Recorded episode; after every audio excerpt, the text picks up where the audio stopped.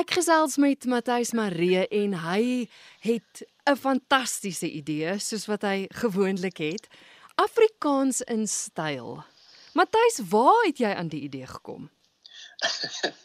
Dankie vir die kompliment. Ek wil nou baie versigtig my hand uitsteek daarvoor want ehm um, jy weet ek dink dit is een ou se idee nie. Ek dink is maar na die afgelope 2 2 en 'n half jaar se limbo is daar 'n algemene sentiment onder mense. Ons almal, jy weet, as jy nou kyk na die rugby wat ons onlangs almal so saam geniet het en die ongelooflike gevoel van samesyn wat mense amper al vergeet het, nê? Jy weet, is dink ek dieselfde gebeur in die kunste en in die teaterwêreld waar waar daar net 'n algemene noem wat die Engelsman sê 'n outcry is net weer vir samesyn en en en vir teater en vir uh, nuwe dinge, nuwe formate en ek dink hierdie is maar net 'n uitvloeisel daarvan. Jy weet, die hart van die saak uh, is ek baie lief vir teater en die kunste en vir musiek, maar hierdie glo ek is net nou net weet net weer 'n nuwe 'n nuwe angle op 'n op 'n ding wat ons eintlik baie goed ken. Jy weet, in hierdie groot drie geeste, primêre drie geeste van hierdie konsert dink ek maar in 'n nuwe groot arena en 'n ander formaat dink ek net gaan vir ons weer 'n nuwe kykie gee op die op die kunste wat ons eintlik goed ken. Goed, jy praat van 'n nuwe formaat. Wat is die nuwe formaat? So die uh, eerstens is die nuwe formaat die feit dat dat hierdie mense uh, met uitsluiting van van Karen Zoid um nie eintlik in in in die groot arenas weet optree nie. Nou moet ek sê met apologie aan aan aan Stef Bos en ek dink min mense besef hoe ongelooflik groot hierdie ou in Amerika, ag Amerika, hoe in Europa is. Mm. Jy weet hy uh, het so pas teruggekom van 'n van 'n toer daar waar hy letterlik arenas van tussen 5 en 15000 mense dag in en dag uit vul. Um en wat 'n voorreg dat hierdie ou Suid-Afrika half gedeeltelik sy huis noem. Jy weet, ons almal ken al die die storie, hy's met 'n Suid-Afrikaanse vrou getroud en hy maak sy kinders meeste van die tyd in Suid-Afrika groot en sy vrou sy sy vrou praat net harde Afrikaans met hom en van daar dan sy liefde vir die taal. So met apologie teenoor hulle jy weet 'n Nathaniel sal hy ou nie noodwendig in hierdie formaat in hierdie arenas aantref nie. Hulle is uh, stoere teaterliefhebbers met gordyne met met prosceniums met met uh, wings waar nie ouens kan gaan costume changes hê maar 'n groot formaat venue soos 'n Sun Arena of 'n Grand West uh, in die Kaap is is 'n totale ander wêreld, jy weet en ons wil graag jy weet kom en sê die groot venues vra altyd vir groot ligte en groot skerms en groot geraas en groot klomp lywe op die verhoog maar nou wil ons weer gaan en sê maar kom ons gaan beoefen teaterbeginsels in hierdie groot arena formaat en ons gaan beleef dit saam sodat jy miskien net 'n Nathaniel wat alleen daar staan met 'n met 'n spotlight op hom. Jy weet eh, eh, net net buite die boks kan dink. Natuurlik is daar groot verrassings en 'n groot klomp mense wat 'n verskyning gaan maak en baie van hulle wil ons nou nie graag verklap nie want ons ons ons glo ook aan die verrassingselement op die verhoog maar ehm um,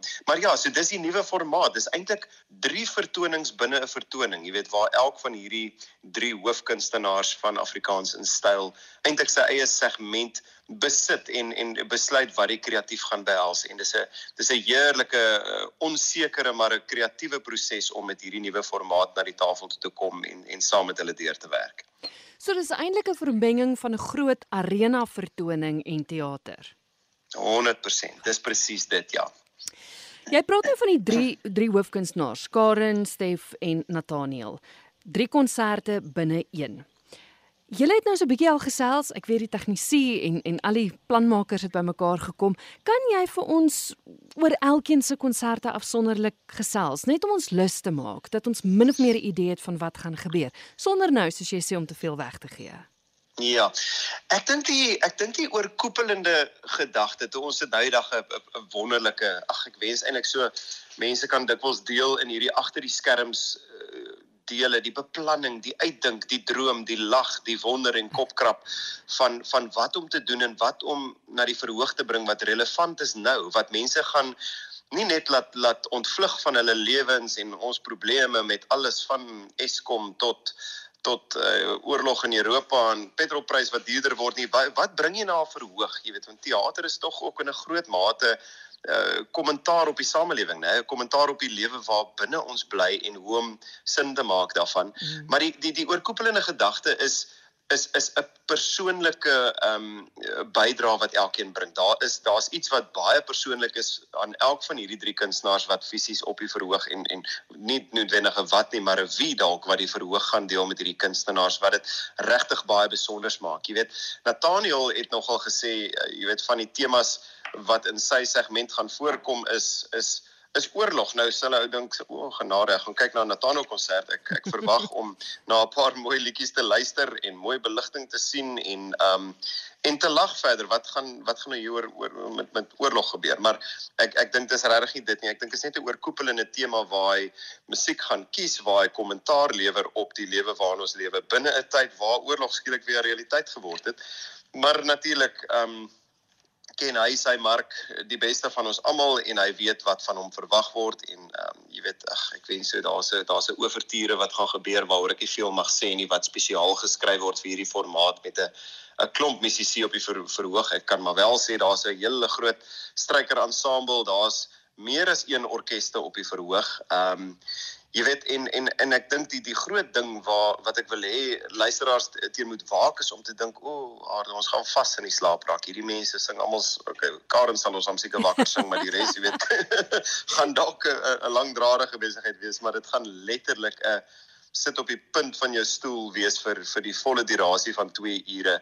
Jy weet, Karen uh, natuurlik uh, gaan met 'n groot klank en 'n groot lawaai kom maar uh maar ek dink almal al drie van hierdie kunstenaars ken die die light and shade van die verhoog en van teater. Jy weet so van die stilste oomblik waar daar 'n klein kolletjie lig iewers op iemand se gesig is tot die groot lade oomblikke waar waar 'n hengse klomp mense meedoen aan 'n aan 'n aan 'n groot item.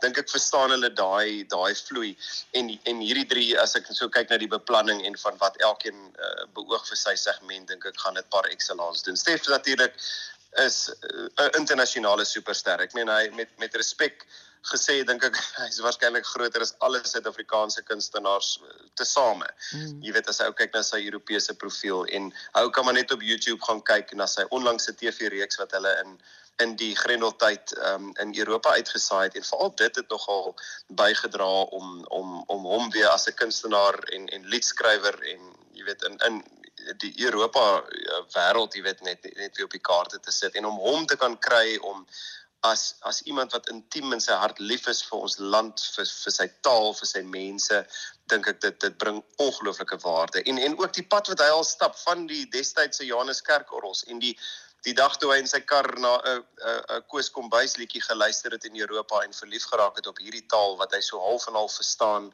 ehm um, en sy mense en die en die die stories wat hulle vertel en die en die en die ehm um, geskiedenis daar agter, jy weet. So so ek dink dit bring ongelooflike diepte na verhoogte wat nie net die, met respek gesê die een treffer na die ander is wat ons eintlik baie goed ken en net hande klap op die maat van die ritme nie. Jy weet, ek dink hierdie is regtig 'n reis deur ons kultuur, deur taal.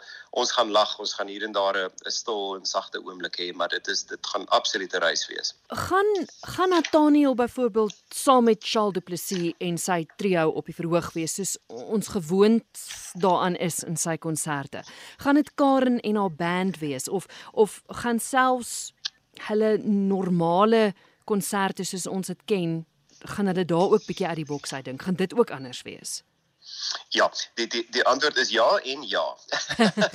so so ons gaan ons gaan kry wat ons wil hê, jy weet en dis altyd die dis altyd die uh, uitdaging met met konserte. Jy jy kom vir 'n rede. Jy kom om iets te kry wat jy verwag en dis hoekom. Dis soos om twee keer by dieselfde stranddorp of strandoord te gaan vakansie hou want jy jy gaan terug na wat jy ken. Jy gaan terug na wat vir jou familier en wat jy weet vir jou werk.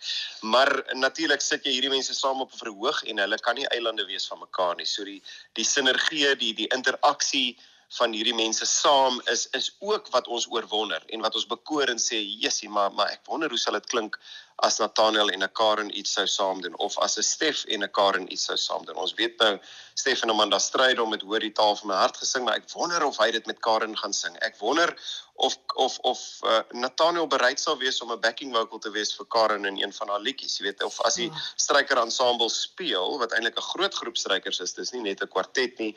Ehm um, jy weet uh, wat wat gaan ons kry en wat gaan ons beleef? So die die die antwoord is jy weet letterlik ja en ja. Ons hoor alles. Ons wil vir mense gee wat hulle ken. So ja, Karen se band is natuurlik daar.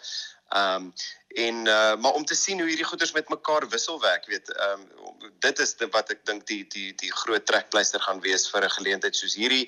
En uh, mense vra dikwels oor die naam Afrikaans in styl, wat beteken dit? Beteken dit dis 'n vervelige besigheid? Beteken dit daar's 'n modeparade in die middel iewers? En die antwoord is nee, dit dit is maar bloot net om om om te sê ons wil iets doen waar ons na 3 jaar van by die huis sit weer na 'n groot arena kan gaan. Ons kan mooi aantrek. Ons kan 'n glasie wyn voor die tyd geniet en ons kan na van ons drie grootste name in in die Suid-Afrikaanse teaterwêreld gaan luister almal saam op een verhoog vir die heel eerste keer saam.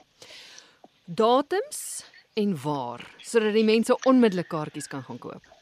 So ons ons het eintlik al hierdie datums amper 4 jaar gelede al bespreek en so het ons hulle soos 'n sokkerbal in die pad afgeskop jaar na jaar maar ten einde laaste het hulle geland op die naweek van 27 Augustus met ander woorde gerieflik net na Payday.